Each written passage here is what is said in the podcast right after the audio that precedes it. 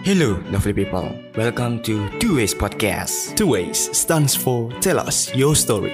In this podcast, we're gonna talk about people's interesting stories and self-development. So, enjoy and relax, because you might get something useful for yourself.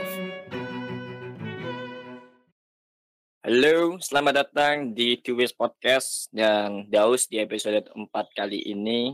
Dan episode keempat ini bakalan mengundang seorang yang menarik yaitu ada Mas Fus Nadir atau panggilannya Nadir. Halo Nadir. Iya, halo. Apa kabar Dir? Alhamdulillah baik. Cie. By the way, pertama-tama nih yang kita omongin gitu, kita bakalan ngomongin tentang Nadir ya. Coba kenalin dulu Nadir siapa Dir kamu Dir? Uh, namaku Muhammad Mahfuz Nadir. Aku sekarang duduk di bangku kuliah semester 4 Universitas Negeri Surabaya jurusan Teknik Sipil. Wih. Selain itu?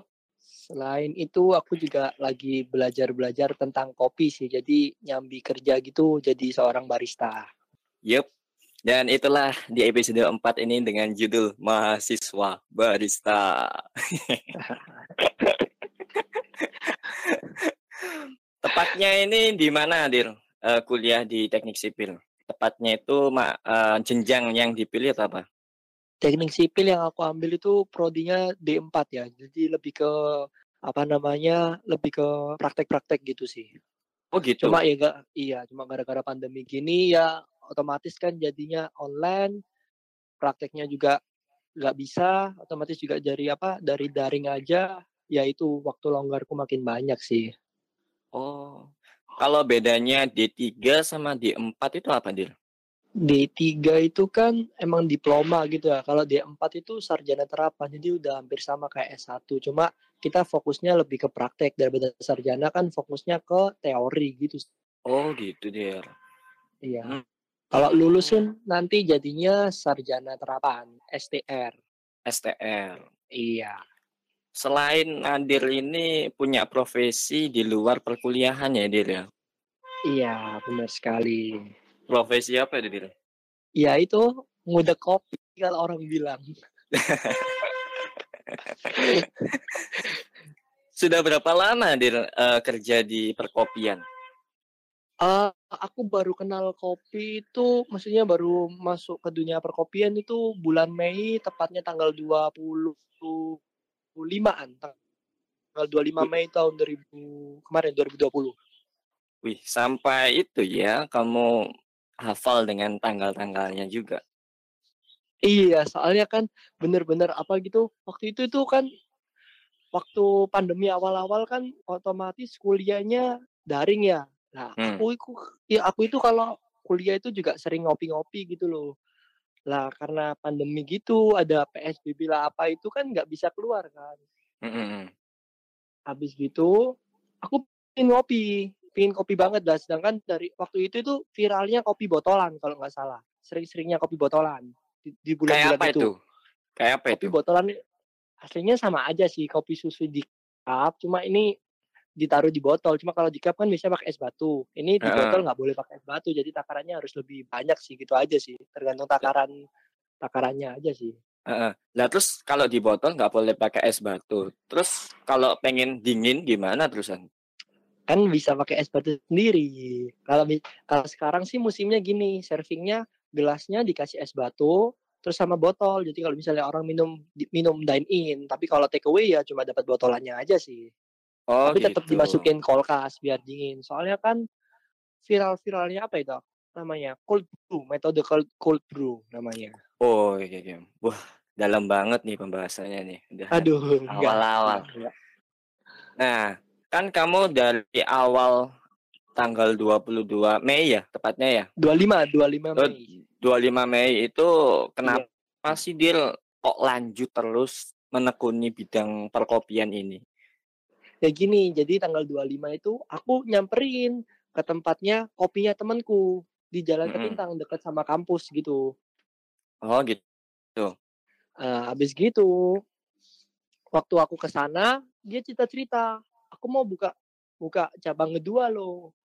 Nah di situ aku mulai tertarik. Aku bilang nggak e, butuh orang ta kalau butuh aku mau po. Tak belajar juga aku tak sambil kerja daripada aku juga kuliah nganggur gini terus dia bilangnya oh ya nggak apa-apa nanti aku kabarin lagi ya itu tadi akhirnya mulai dari situlah kerja di kopi kerja di Oh. namanya tit kopi gitu ya berapa lama Iya, ya? iya, Lima iya, bulanan gitu. Oh, lima bulanan. lima bulanan hampir enam bulan ya ya Mm-mm. pokoknya oh, ya itu kerja di kopi hampir wah, apa akhir-akhir mau keluar dari kopi itu tadi aku Mm-mm. belajar metode yang lain yaitu Apa tuh? manual brew manual brew Apa itu Manual. manual guru? manual brew itu seduhan yang pakai bener-bener manual nggak pakai mesin jadi Ah. kalau kalau sekarang kalau sekarang kan zaman sekarang kalau kita ke coffee shop pasti ada mesin kopi Hmm. kan ada mesin Mm-mm. kopi ada grindernya lah kalau di Ah. manual brew itu kita benar-benar pakai teknik tangan pakai teknik apa ya teknik feeling lah kalau di Ah. mesin kan kita udah ada settingannya udah gini-gini aja Ah, oh, oke oke oke. Berarti awalannya kamu riwayatnya itu kerja barista itu karena tawaran, bukan karena passion. oh kalau masalah itu otomatis kan bukan tawaran ya aku yang mengajukan diri dan sebelum sebelumnya aku waktu apa kalau nongkrong nongkrong aku masih pesennya itu yang V60 yang manual brew bener-bener orang kayak sama kayak gimana ya teman-temanku itu kalau minum itu nggak ada yang bisa. Kalau aku tuh bener-bener ngerasain enaknya gitu loh. Dan dari Ah. situ aku pengen belajar. Akhirnya waktu ada apa waktu ketemu ownernya itu tadi aku bilang kan dia cerita mau buka cabang kedua itu. Aku Hmm. bilang nggak nggak tertarik lah sama cowok. Kan dia itu soalnya kebanyakan nariknya cewek. Mm, Terus kalau misalnya aku bilang kalau tertarik cowok aku mau kok. Oh, gitu. Mm, Itu tadi awalnya nah Mm, kan bedanya cowok sama cewek juga kan kalau cowok cewek kebanyakan ya kerja kerja aja kan nggak kebanyakan tanya kan kalau cowok Mm. kan ingin tahu ingin tahu ingin tahu gitu biar makin Mm. bisa gitu Wah, berarti Gitu sih. passion deh. Berarti iya passion deh. iya sih Kenapa kok memilih menjadi sebuah eh, terpacunya kerja karena adanya tawaran ini jadi barista, tapi ini bertentangan dengan apa yang kamu pelajari di universitas. Jadi kamu kan teknik sipil nih. Nah, Iya, kan benar. bertentangan banget dengan profesi barista. Barista ini kan masuk pada seperti tata boga menurut saya gitu. benar Bener nggak? Nah, iya benar kenapa kok kenapa kok nggak kamu mendalami saja seperti menjadi sebuah mandor seperti bangunan itu? Maksudnya orang-orang yang menyuruh pada teknik sipil pada perusahaan eh, pembuatan rumah atau apartemen gitu mungkin ngelamar kerjaan di situ. Mungkin apa? Eh, karena apa? Kenapa nih? Karena kenapa? Oh ya aku sih nggak mau jadi bukan nggak mau ya bukan nggak mau. Peluangnya juga belum ada yang pertama yang kedua lagi ilmuku di sipil itu masih belum cukup ya. Aku bener sih masih apa bisa didalami lagi kan. Kalau aku kayak bantuin ada kerjaan kerjaan aku bantuin pasti kan makin bisa. Cuma Hmm, namanya ada hobi juga kan. Aku kan juga suka sama kopi gitu. Kan kadang ya terkadang kita lulus nggak selalu apa lulusan kita kita bakalan jadi orang itu bakal menjadi seorang apa yang kita lulus sarjana misal kita sarjana teknik bakal jadi bekerja di teknik nggak mungkin juga kan. Kalau aku ngambil peluangnya cuma itu itu aja otomatis aku nanti Hmm. stuck di situ aja nggak bisa ngembangin diriku lagi. Sedangkan di umurku yang sekarang ini aku masih kuat tenaga masih kuat pikiran masih kuat waktu otomatis Hmm. ya apa yang aku bisa ambil aku ambil. Gitu aja sih. Soalnya kalau sekarang pembangunan kan juga gimana ya? Yang pertama channelnya juga kurang sih aku. Pernah sempat diajak mm-mm, pernah sempat diajak cuma aku bilang nanti aja dulu wes apa tak ngelanjutin kuliahku dulu. Mm-mm. ntar apa namanya kalau udah bisa baru aku apa kalau udah lulus baru aku cari kerjaan di situ. Pasti aku lulus pun ngambil kerjanya dari situ. Nggak mungkin Ah. ya nggak mungkin bergantung pada barista aja. Barista kan ya nggak ada yang tahu rezeki ya namanya rezeki nggak ada yang tahu. Iya sih bener-bener cuma pasti tetap apa namanya di sipil itu tadi sih Oh gitu. Nah, kan Iya. itu kan. eh, kamu tadi bilang tadi bahwa eh, eh, kuliah dan masa-masa kuliah karena nganggur karena pandemi habis gitu kamu kerlet buat kopi nah kan kamu kamu juga kan ada seperti jadwal-jadwal kuliah gitu terus kerja juga apa nggak capek tuh Eh, kalau gini sih, kalau kuliah sekarang kan daring ya, daring kan Iya. tinggal kita join, udah Mhm. beres gitu. Kalau ada tugas ya kita kerjain. Nah, kalau masalah jam kuliah sama jam kerja, biasanya kuliahku alhamdulillahnya dapatnya pagi. Makanya aku milih kayak tadi nih kuliahku jam 8.40 ya. Selesai Hmm. 10.20 lanjut 10.20 sampai jam 12. Aku milih masuk kerja siang. Otomatis aku gitu. udah nggak ada tanggungan. Seperti itu. Oh. Alhamdulillah jadwalku dari kemarin sih seperti itu. Kemarin juga sempat sih aku bingung di saat apa namanya apa? penerimaan sis- mahasiswa baru itu apa? Ospek ya? Ospek ospek. Nah, ospek itu aku sempat kepilih jadi ketua komdis ketua komdisnya Ush. teknik sipil. Di diajuin sama kating aku nggak bisa nolak lagi. Nah dari itu sempat bingung sih soalnya kan benar-benar aku harus ngeluangin waktu di situ sedangkan aku juga punya kerjaan yang tanggung jawabnya nggak bisa ditinggal. Iya. akhirnya alhamdulillah sih ownerku juga baik hati lah ibaratnya ya aku Heeh. tinggal se- seminggu gitu ya no problem sih soalnya kan kalau kita jujur pasti ada aja lah jalannya ya kan Iya, Gitu benar benar benar benar. Nah, itu tipsnya membagi waktunya ala Nadir sih. iya gitu sih Berarti yang Pokoknya- paling puncak, berarti yang paling puncak paling eh, besar waktunya yang menguras itu pada saat kamu jadi komdis dari universitas Iya. itu ya. bener sekali itu ya aku pulang itu sebelum sebelum kerja nyamperin dulu di kampus Nah, Habis kalau misalnya- kerja. Nah, kalau misalnya ada tawaran lagi untuk menjadi sebuah di organisasi tersebut, kamu mau nggak? Maksudnya jadi kayak komdis lagi aku mungkin. tolak aku tolak sih kemarin ke- kemarin baru aja kemarin ini aku sempat ditawarin buat jadi ketua koordinasinya supporternya teknik sipil Cuma Nah, aku tolak. Soalnya dia bilang harus masuk departemen min- minat bakat, harus harus masuk himpunan. Aku bilang nggak dulu deh mas. Aku ada kerjaan, aku nggak bisa ninggal ini. Kalau emang aku dikasih tanggung jawab juga kan mana bisa gitu loh. Walaupun aku tahu ini kan daring juga sih. Cuma ya nggak mau lah. Kalau ada apa ya dikasih ke orang lain juga ada yang bisa ya nggak masalah lah orang lain aja. Nah, itu sih aku. oke oke oke. Nah, bener-bener resiko soalnya bener-bener resiko aku Iya. gitu aja sih tapi tetap menjalin hubungan yang baik ya sama kating-kating sama teman-teman Mm. seangkatan jadi kayak kayak kemarin kan walaupun bukan aku ketuanya ketuanya tetap tetap nyamperin aku tetap minta Oh, tolong gitu. aku tetap gitu ya aku ya aku bantuin sebisa aku semaksimal mungkin. Dia mm, minta apa aku bantuin gitu aja sih. Jadi nggak nggak nggak ngelepas gitu aja sih gitu aja aku. Lalu ya itulah ceritanya Nadir lah. Eh, kalau kita itulah Nadir, lah kita lanjut ke bahasin barista nih, barista yang kayak penyeduh itu namanya barista ya Nadir ya. iya benar barista kalau main di alkohol jadinya bartender Oh gitu. iya Kalau misalnya barista nih kita tanya ngapain aja sih kerjanya ngapain ini? Eh, tergantung ya kalau di coffee shopnya ada metode manual brew ada metode cold brew ada metode yang kopi kopi susu kekinian kayak Mm. tahu di pukul satu kopi mungkin Mm-mm. pukul satu kopi itu ada tiga metode. Ada cold brew ada manual brew ada yang susu kekinian jadi Mm. kalau misalnya gini ya kalau cold brew kebanyakan kan dia itu ekstraksinya waktu ekstraksinya 12 jam. 8 sampai Yep. 12 jam. Nah itu biasanya pengerjaannya saat malam saat mau closingan. Dia buat stokan buat besok dijual. Gitu. Misal bikinnya jam 9 malam jam 9 pagi Nah, jam kopinya udah ready kita campur dengan susu kita campur dengan rasa yang lain taruh di botol taruh di showcase taruh di kulkas buat dijual buat kalau Ah. yang manual brew itu ya seduh kopi itu kebanyakan sih bijinya kalau V60 itu kebanyakan pakai arabica kalau Hmm. Vietnam drip itu pakai yang robusta jadi itu Hmm. tergantung sama apa namanya customer ya maunya yang seperti apa eh, kalau masalah kopi susu kekinian itu ya. Ya insya Allah semua orang bisa karena ada takarannya sendiri-sendiri sih. Jadi kayak Oh, gula gitu. berapa, susunya berapa, Mm-mm. kopinya berapa dan itu udah ready semua. Tinggal ngestok ngestok apa nge- apa namanya masukin di gelas aja. Oh, Gula, sudah ada kayak takarannya dan Iya, merek-mereknya ada. tertentu, tinggal ya kita jalanin aja gitu ya. aja. Iya, Oh. aja. Kalau masalah kayak oh paling paling berat sih pagi hari harus cobain kalibrasi.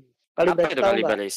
Kali- tahu, nggak tahu. Kalibrasi itu gini, setiap pagi kalau di kopi susu kekinian kan kita pakai mesin ya. Mm-mm. Setiap pagi ada mesin yang namanya grinder, ada yang nam- ma- namanya mesin kopi.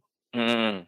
Nah, di, di grinder itu itu dari biji kopi menjadi bubuk kopi. Mm-mm. Dari bubuk kopi dijadiin yang air itu tadi, yang jadi air kopi, yang jadi kopi beneran. Mm-mm. Nah, setiap kita kan harus nyeting lagi ya setiap pagi ya, soalnya kan ki- kita pakai seharian, se- apa waktu sebelumnya hari kemarinnya kita pakai seharian, otomatis settingannya udah pasti berubah-berubah. Grinder itu kan pakai pisau, pisaunya pasti Ah. kegeser-kegeser kan, otomatis kita harus nyeting ulang setiap pagi biar rasanya tetap sama. Lah kita habis bikin espresso itu tadi, kita coba ya bayangin aja espresso kita minum gitu kan pasti pahit apalagi kalau ada salahnya ada namanya I- over extraction ya overheat atau Iya. over extraction itu pahitnya sih. pahit banget Hmm. serius Aku pernah nyoba yang lain selain espresso. Itu ada americano. oh americano Itu lebih Americano itu- pahitan mana? Espresso daripada americano. espresso bener-bener kopi bener-bener dari yang di apa namanya green dari biji kopi ke bubuk kopi ke langsung espresso itu tadi kalau americano itu espresso ditambahin air Oh Jadi gitu. lebih pahitan espresso sih, air panas. Jadi gini, ta- ada yang namanya espresso dulu baru air panas itu americano, ada yang air panas dulu baru espresso itu long black namanya. Oh gitu. Iya, itu cara minumnya orang Amerika. Orang Hmm. Italia itu kayak ngejek gitu loh. Kayak kopi hitam aja kayak gitu minum jadi kayak americano gitu loh. Namanya itu Hmm. makanya jadi seperti itu karena karena orang Amerika kalau minum kopi dikasih air. mm-mm. Itu dia. Di antara keduanya tadi, yang paling paling pahit lagi mana? Antara yang americano dan satunya tadi long apa tadi? Long black sama aja. Sama nggak aja. bisa sama aja bener aslinya sama aja cuma penempatan nama penempat ya gitu Mm-mm. orang kan aneh-aneh ya kayak orang Vietnam itu biasanya kopinya dikasih susu kental manis jadi Oh, ya gitu. Vietnam gitu iya Mm-mm. kalau Japanese itu metodenya V60 dikasih air es jadi Oh, Japanese namanya banyak Oh, banyak gitu. macamnya gitu iya jadi orang-orang itu emang suka bereksperimen lah ya ibaratnya ya. Mm-mm. Berarti yang kayak yang booming-booming ini, kopi-kopi ini menurut Nadir berasal dari mana sih, Dir? Jadi jenis yang booming-booming ini kan sekali kayak kopi susu ditambahin es gitu. Mungkin awalnya kopi itu itu dari mana? Mungkin Kalau aku dari mikir ya, kalau aku mikir sih aslinya basicnya ya latte ya, latte atau cappuccino. oh latte gitu. sama cappuccino itu kan espresso kena susu sama Mm-mm. foamnya susu. Tapi Oh, gitu. bedanya latte sama cappuccino, Mm-mm. latte itu foamnya tipis, cappuccino foamnya tebel. Bedanya di situ. Lah kalau misalnya di kopi susu kekinian Mm-mm. itu ya gara-gara ya seperti latte sih, cuma ditambahin es batu gitu aja nggak pak nggak nggak hot gitu aja sih. Mm. Ber- Jadi Berarti kayak orang-orang ya berarti ya. Eh, berarti orang-orang pembisnis itu berekspresi eh apa bereks bereks eh, Eksperimen. Bereksperimen bereksperimen dari kopi latte tadi Iya. untuk dijadikan es terus habis itu dijadikan seperti yang merek-merek Benar. yang terkenal dari perkopian mm, Iya. sekarang nih Kalau aku pernah dengar ya dulu ceritanya itu sempatnya itu ada di PTC di UNESA kalau nggak PT PTC-nya ya PTC-nya itu ada kayak kopi gitu loh bener bukan bukan kopi susu ya kopi maksudnya Hmm. jual-jual mesin kopi jual-jual biji kopi gitu gitulah lah bukalah satu satu apa namanya stand namanya kopi Neira. Oh itu iya, iya. buka sih yang buka itu kopi Neira itu. Mm, Kopi Neira dia buka dia bilang ya buat gabut-gabutan aja ya kayak nah, dia itu juga supplier sirup. Mm. dari salah satu gitu supplier sirup. Terus Nah, terus? dari situ dia coba jualan kopi susu itu tadi dikasih sirup. Entah itu Wow. karamel entah itu vanila entah itu apa.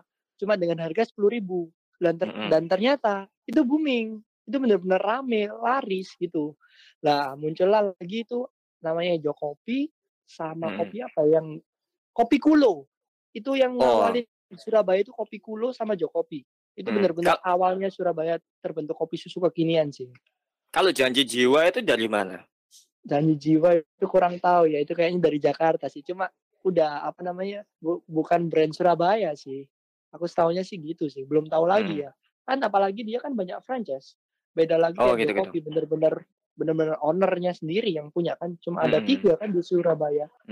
Kalau misalnya bedanya franchise sama kita buat kopi sendiri itu kayak buat merek kita sendiri itu apa sih, Dir?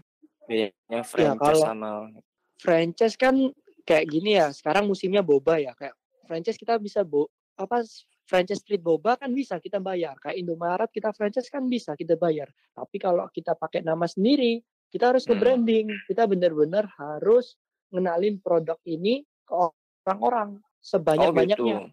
Iya, itu tadi. Susah ya, pasti lebih susah yang apa namanya sendiri lah. Tapi franchise belum tentu Hmm. gampang juga. Sekarang Kenapa? gini deh, masnya misalnya apa namanya lihat di sini ada janji jiwa, di situ Hmm. ada janji jiwa, di situ Hmm. lagi ada janji jiwa. Pengen nyobain apa malah enggak? Kalau Iya, sih enggak, soalnya makin banyak buat apa sih? Sama-sama aja. Pasti pengen nyobain yang lain, yang kayak Oh, benar-benar gitu. enggak ada. Ya enggak sih? hmm, iya benar benar benar. Kayak bosen gitu ya tadi yang kan? baru ya misal pasti apa ya yang baru ya contoh nih Kak, pernah dengar after work nggak Belum belum. oh nggak Belum. pernah dengar ya Di mana tuh? apa after work ada di Jiwo itu Oh, juga lagi naik naiknya dia tapi pakai cold brew jadi pakai botolan aja tapi sekarang juga ready di apa namanya latte jualan pakai mesin gitu sih itu Hmm. bener-bener aku kalau bilang coffee shop paling wes keren banget lah itu after work sih aku paling suka sih kalau di sana dia jualnya itu kopi tambah kayak susu atau kopi tambah kayak sirup di afterworks. dia di di after work itu dia kopi botolan jadi stokan Heeh. ah, ditaruh di kulkas. Habis gitu, dia itu juga ready kayak jap apa namanya manual brew sama latte gitu. Jadi pakai mesin cuma ready itu aja nggak ready yang kopi susu kekinian pakai cup gitu, pakai disiling itu nggak apa nggak ada dia. Jadi Hmm. benar-benar pakai gelas gitu, gelas asli, Mm-mm. gelas kaca. Ya itu isinya itu kayak kopi-kopi kekinian pakai susu yang kayak misalnya latte ditambahin susu kayak gitu terus ditambahin es atau di coffee shop tersebut itu jual kayak kopi ditambahin sirup mungkin. Kopi Kalau susu di- sih. Kopi Oh, susu, kopi susu. ya ada sirupnya pasti pasti itu soalnya kan ya namanya pasar zaman sekarang kan cuma dia bedanya ditaruh di botol nggak ditaruh di cup gitu aja sih. Oh gitu. Hmm. Iya, jadi dia servingnya itu servingnya itu kita dikasih gelas, kasih es batu sama itu tadi botol itu tadi gitu sih servingnya. Servingnya dia kayak gitu. Cuma aku lihat dia sih hospitality-nya oke banget sih. Jadi servisnya oke banget. Eh, beda sama hospitality itu apa? Gini, gini, gini. Kalau sekarang misal ya, masnya ke janji jiwa, Hmm. Ngomongin hospit hospitality ke nih. janji, ya ke janji jiwa. Kalau enggak ke Jokopi, Hmm, hmm, hmm. masnya beli, Hmm, hmm. ordernya di sini, ya, pick up-nya Hmm. di sini. Sempat ngobrol nggak sama baristanya? Enggak dong. Enggak kan? Tapi Hmm. bedanya di sini itu open bar. Jadi hospitality-nya Oh. dapat. Dia itu nganterin minuman, dia juga apa gimana Kak gini-gini. Itu yang jarang banget barista dapat zaman sekarang. Barista sekarang kan kebanyakan ya kerja-kerja aja udah gitu Hmm, aja. hmm, hmm. Gara-gara ditutup itu tadi. Nah, sekarang kan makanya itu dia aku lebih suka yang kayak di Malang-Malang itu open bar, benar-benar hospitality-nya dapat, nganterinnya, terus habis itu Hmm. servisnya gimana, terus cara Hmm. ngomongnya, terus gimana ini kurangnya apa, gini gini gini apa, itu lebih bagus sih, lebih ba dapat banget lah ibaratnya.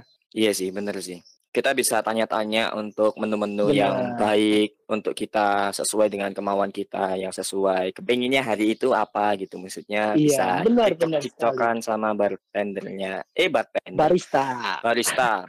Ngomongin mepet-mepetin bartender. Biasanya kayak seperti untuk barista yang kayak di mall-mall seperti ada seperti kopi shop yang membuka peruntungan di hotel. Nah, itu Iya. kan disandingkan dengan sebuah botol-botol minuman eh, berlabel-label minuman keras lah di dalam Benar. Indonesia ini bilangnya. Itu kan kayak straight ya, barista dengan bartender. Dan itu kayaknya orangnya itu sama yang meraciknya. Itu gimana sih Benar. menurutmu? Benar. Jadi gini, seorang barista, aku Mm-mm. disuruh buat minuman apa namanya? Atau koktail ya, aku juga lupa. Antara Iya. satu itu kan ada namanya tanpa alkohol ya. Heeh. satunya dengan alkohol. Aku disuruh bikin itu tuh juga harus bisa. Nyampur sirup itu juga harus bisa aku. Misal kayak Hmm. sirup raspberry dengan lemon. Habis gitu aku kasih daun mint atau aku kasih mint apalagi itu harus benar-benar enak. Harus dengan Hmm. soda itu harus bisa. Lah Hmm. kita kan pakainya soda. Iya. Kalau di Kalau di bartender cuma diganti alkoholnya. Jadi ya hasilnya Oh. sama aja, hasilnya sama aja gitu. Aku disuruh nge-shake kayak bartender juga bisa. Soalnya basicnya di ya itu tadi dari apa sih koktail apa mocktail ya yang yang non alkohol ya. Pokoknya itu aku juga bisa Mm-mm. gitu sih. Jadi otomatis Mm-mm. kalau misalnya ya dia mintanya ini kita lihat di sini ya vodka, jadi kita tinggal tambahin vodka sekitar 50 mili sama aja Oh gitu. gitu sih. Berarti bisa dikatakan barista sama bartender ini mempunyai fungsi yang sama, tugas Benar. yang sama, tapi cuman yang dihasilkan berbeda. Benar, kreasinya yang berbeda. Dia itu Ah. mau berkreasi tentang apa? Ya kopi kan sekarang juga ada lagi yang musim itu namanya coffee tonic. Kopi dikasih soda. Bisa dikasih buah Oh. leci, bisa dikasih buah Mm-mm. anggur. Itu aku juga lagi belajar itu sih buat nemuin rasa yang tepat gitu. Alhamdulillah udah nemu sih. Terus itu kan hampir sama aja kayak alkohol, cuma bedanya Ah. pakai kopi. Dia pakai vodka atau pakai whisky. Oh gitu. Aku juga sempat eh, beberapa hari yang lalu juga sempat ke tempatnya bartender buat belajar-belajar juga sih. Cuma Heeh. bukan belajar yang beneran belajar, cuma aku pingin tahu dasarnya aja. Ya ternyata nggak nggak beda jauh sama barista. Oh gitu. Cuma dia Nah. kan bedanya dia pakai pakai alkohol. Heeh. Nah, ngomongin kamu jadi barista itu ketika Anda menyeduhkan ataupun meracikkan sebuah minuman untuk eh, pelanggan. Iya. itu gimana sih rens- eh, sensasinya, rasanya jadi barista itu? Kalau awal-awal banget bener-bener jujur ya aku dredeg. Tapi lama kelamaan udah santai dan bener-bener gimana ya orang bikin minuman semua Mm-mm. ya orang bikin minuman itu tergantung suasana hati aku disuruh bikin sama kamu sama-sama bikin dengan gramasi yang sama dengan grinder yang sama dengan mesin Hmm. yang sama dengan hasil detikan yang sama hasil Hmm. kopi yang kita minum itu pasti beda Oh karena gitu. setiap tangannya itu beda udah beda pasti udah dipastikan itu pasti ada perbedaannya nggak mungkin sama plek nggak mungkin gini oh ini sama ini pasti ada kayak oh ini punya Nadir ini oh ini bukan punya gitu pasti ada soalnya bener-bener gantung suasana hati apalagi nih ya kalau misalnya aku lagi nggak mood gitu ya lagi bete gitu ya Hmm. ada masalah lah ibaratnya wah itu tambah amburadul minuman pasti kacau gitu sih. Nah, dan ngomongin tentang tentang apa itu seperti di kayak sensasi rasanya itu. Dan kamu kayak ah, hati ini itu kayak eh, hari-hari ini kayak kacau banget gitu. Terus kamu itu kerjaan juga nggak bisa dihilangkan. Kamu harus untuk membuat kopi itu untuk eh, pelanggan kamu itu gimana sih Dil untuk mengontrol diri kamu untuk membuat kopi itu dengan rasa kamu tetap mm, maksudnya konsisten untuk menetap di Enak rasa gitu ya? yang kamu eh, eh, enak pada kamu Iya. untuk pelanggan. Meskipun kamu kayak sumpah kayaknya contohnya pas kamu jadi yang paling ribet nih.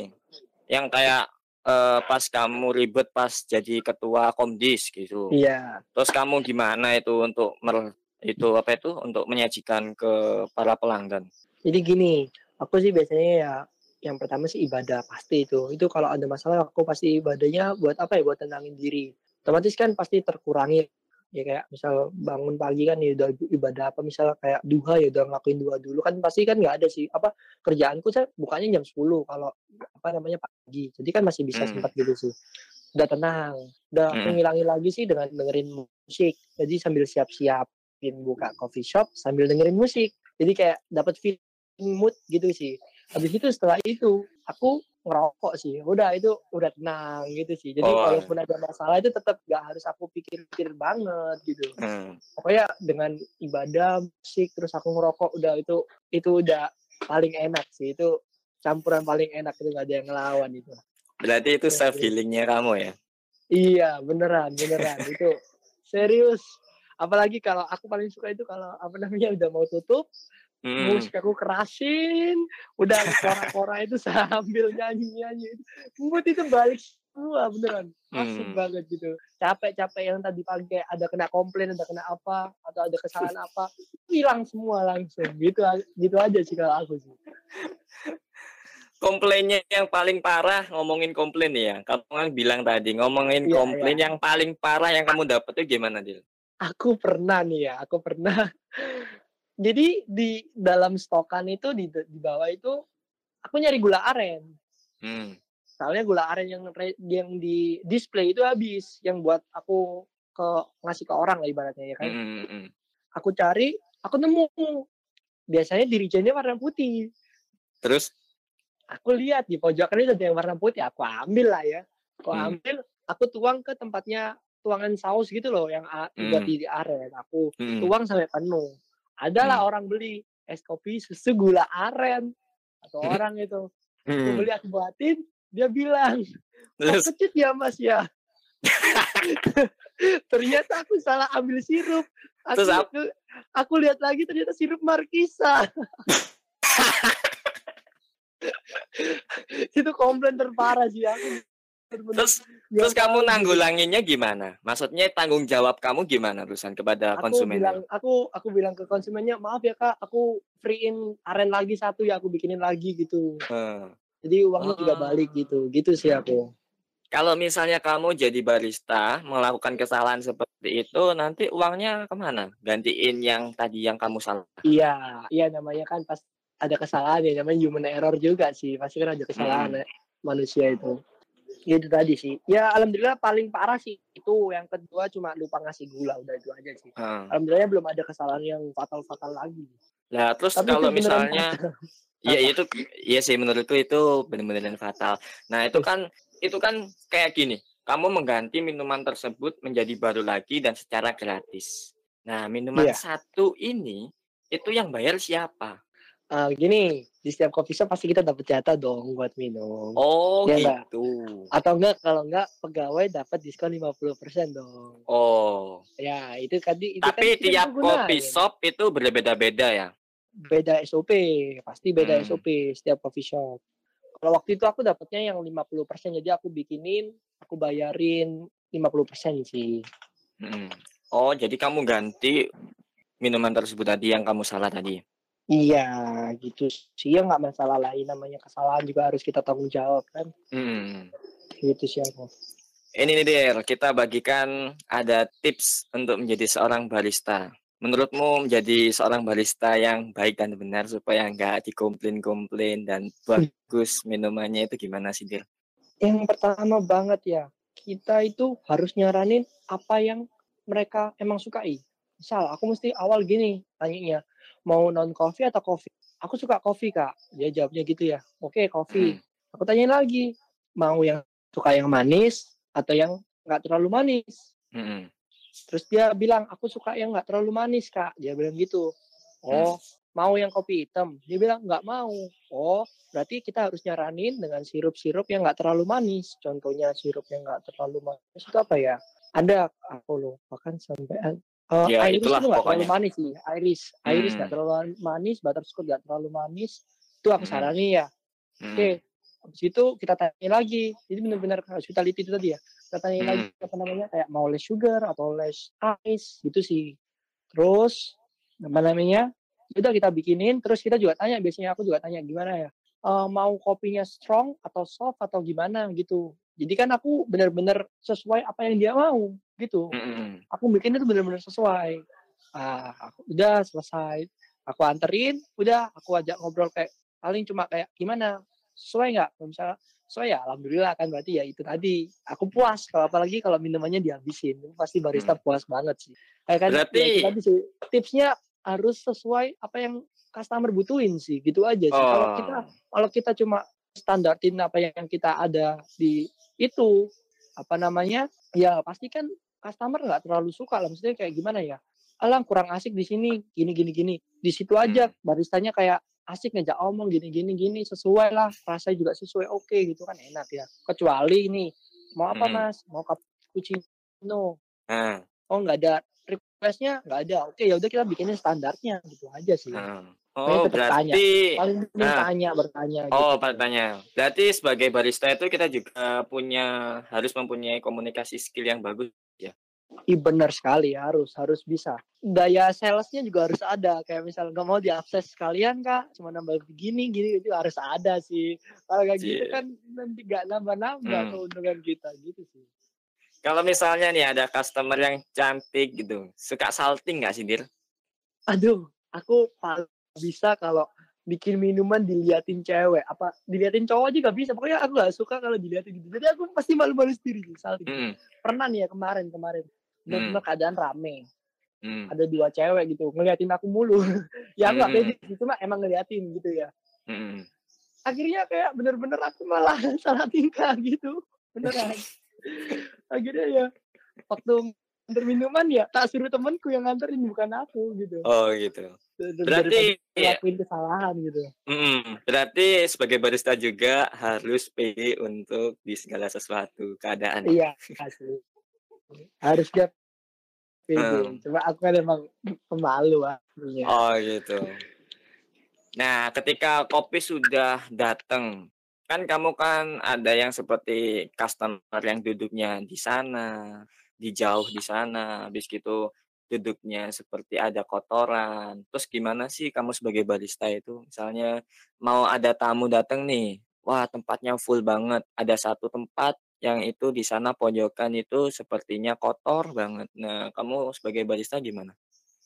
aku sih otomatis pasti bersihin dulu ya aku bersihin dulu Hmm. permisi kak sebentar ya kak aku bersihin dulu tempatnya nanti mungkin bisa duduk di sini gitu gitu aja sih Hmm. jadi aku pasti aku bersihin dulu setelah itu dia order buat terus aku anterin minumannya sih ke dia itu tadi Jadi Ya, wajib, barista juga wajib. ya wajib untuk eh, paham akan keadaan lingkungan sekitar ya berarti ya. wajib banget barista harus wajib menjaga kebersihan di meja Hmm. bar nggak boleh kotor sama sekali ada sampah sedikit kita lap ada, ada kotoran dikit kita lapanya nggak boleh ada kotor yang gimana ya kalau kamu datang nih ya ngelihat Hmm. meja barnya ih jorok lah pasti kan minumannya juga kita pikirannya negatif mulu gitu sih Hmm. jadi kita harus bersihin terus mau bikin juga kita pakai sarung tangan kalau nggak minimal disinfektan lah biasanya aku pasti pakai disinfektan dulu baru aku bikin minuman Hmm. Jadi, Itu pas Hendaknya pandemi ini kan ya pakai disinfektan. Iya, iya benar. Ya kan emang aku kerjanya saat pandemi sih. Mm-mm. Belum Selain kerja apa? Selain manaj- eh, selain untuk melayani pelaya eh, melayani konsumen, itu kan kamu kan menerima uang ya setelah selesai minum konsumennya menerima uang habis itu mengasihkan ke kamu. Nah, uangnya itu nanti gimana? Atau orang beda lagi atau kamu? Gimana itu maksudnya uangnya itu? Ya nanti kita pada akhir mau tutup nih. Nah, itu kan Oh. uangnya udah ngumpul nih. Itu apa Ya. tugasnya bartender atau lain lagi? Nah, Kok sih bartender? kalau barista Kok ya. bartender barista? iya makanya. Di, kalau di aku sih banyak kan banyak macamnya ya coffee shop itu banyak macamnya ada yang modelannya cafe, ada yang coffee shop kekinian. Nah kalau misalnya coffee shop kekinian, kita itu juga sekalian ngitungin uangnya itu tadi.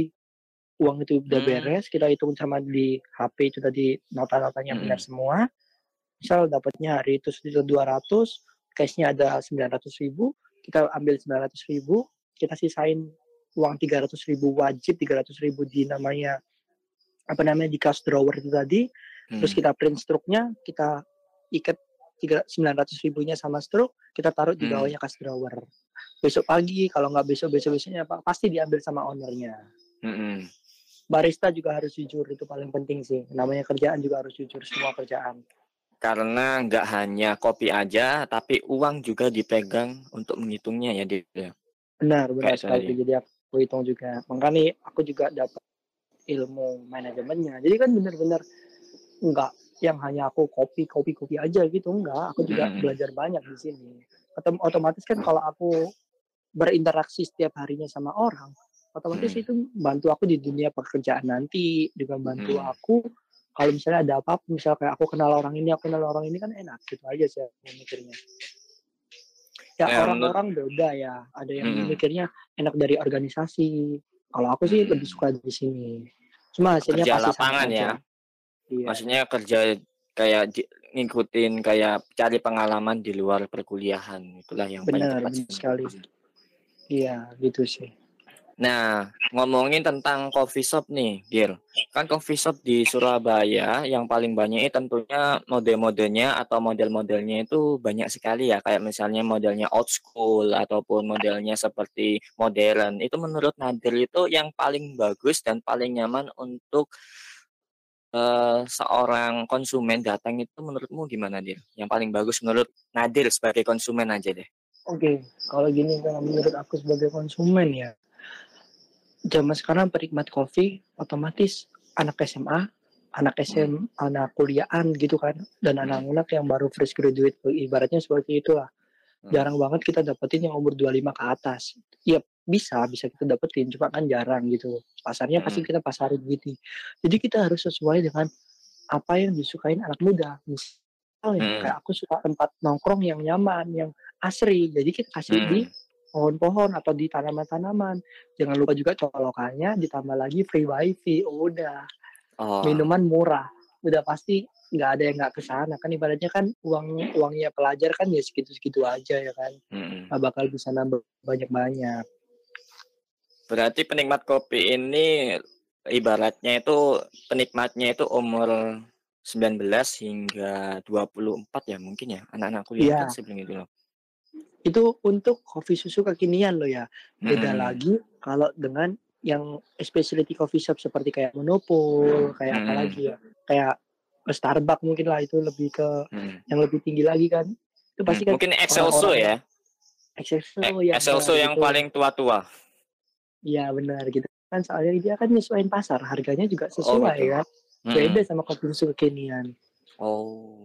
Terus ngomongin keadaan itu tadi s- kayak misalnya keadaan itu kamu ngomong tadi harus bersih, nyaman. Itu tuh memangnya itu juga tugasnya barista sendiri juga untuk menyamankan atau membersihkan coffee shop tersebut atau ada seorang lain? ini kalau aku di tempatku dulu aku sendiri yang bersihin kalau di kalau kita lihat kayak pernah ke AADK nah AADK itu ada pelayan pembersihnya sendiri gitu jadi otomatis nah, kalau emang biasanya coffee shop yang rame banget itu pasti ada pelayannya sendiri tapi kalau yang coffee shopnya masih setengah-setengah aja pasti baristanya juga disuruh bersih-bersih juga sih Mm-mm. Nah, itu sih menurutku tips. Nah, nih Dil, itu kan sudah ngomongin tentang tips-tipsnya yang eh, jadi seorang bar- barista. Ya, banyak sekali sih itu tadi. Nah, menurut Mion Dil ini yang paling penting ini ada tips untuk mencari lowongan pekerjaan menjadi seorang barista itu gimana, Dil? Hmm, gimana ya? Eh, sering-sering misal nih ya, sering-sering ngopi, terus sering-sering tanya-tanya ke channel-channel orang kopi. Aku sih alhamdulillahnya masuk sampai saat ini masuk kerja itu nggak pernah kayak interview sih. Kebanyakan pasti langsung dimasukin sih. Bener-bener gitu. Soalnya aku kenal orang-orang kopi. Nggak tahu lagi Hmm. kalau aku sempat temanku itu sempat awam kopi dia bener-bener interview ya. Alhamdulillah juga masuk ada gitu. Itu emang mungkin ya di interviewnya ya harus jawab dengan benar harus benar-benar Hmm. kalau dia tuh kerja keras gitu aja sih Berarti yang paling nomor pertama tips untuk mencari lowongan pekerjaan itu tentang relasi ya.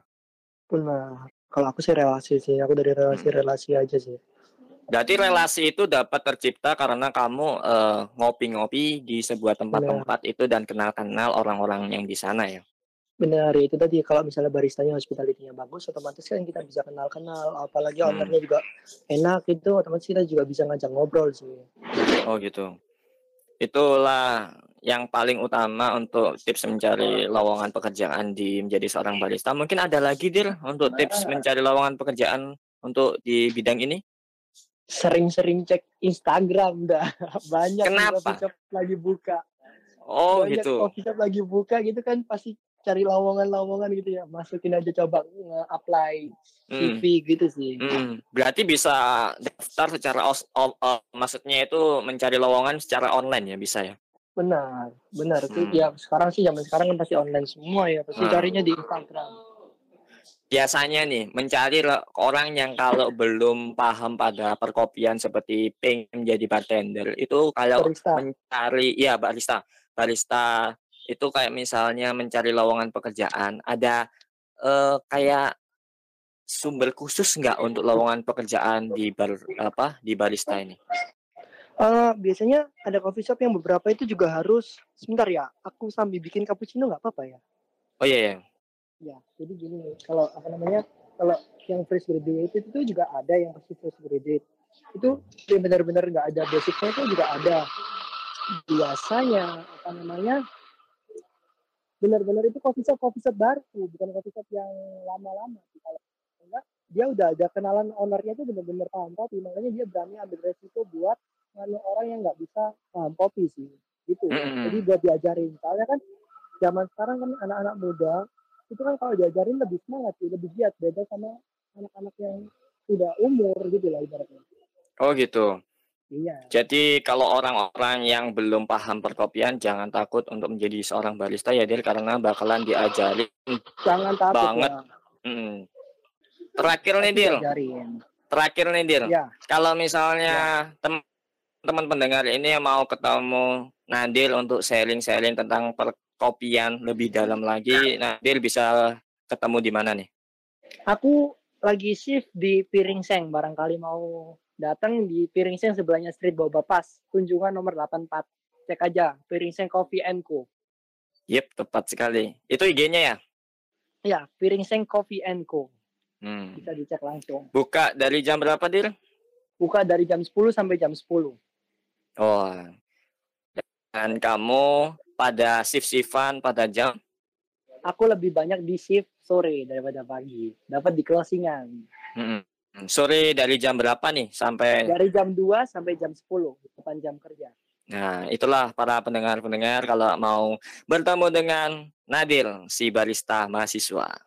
Oke, terima kasih Nadil telah hadir di Two Ways Podcast di episode keempat kali ini. Terima kasih telah hadir ya Nadil ya. Terima kasih atas sharing informasinya tentang eh, bar apa tadi barista ya. Barista. Iya, barista. Aku bilangnya mesti susah untuk barista ke bartender karena sama ya, hampir sama. Hampir sama, cuma bedanya Hmm. di kopi sama alkohol. Heeh. Oke, terima kasih. See you Nadir. Bye bye. Bye, thank you.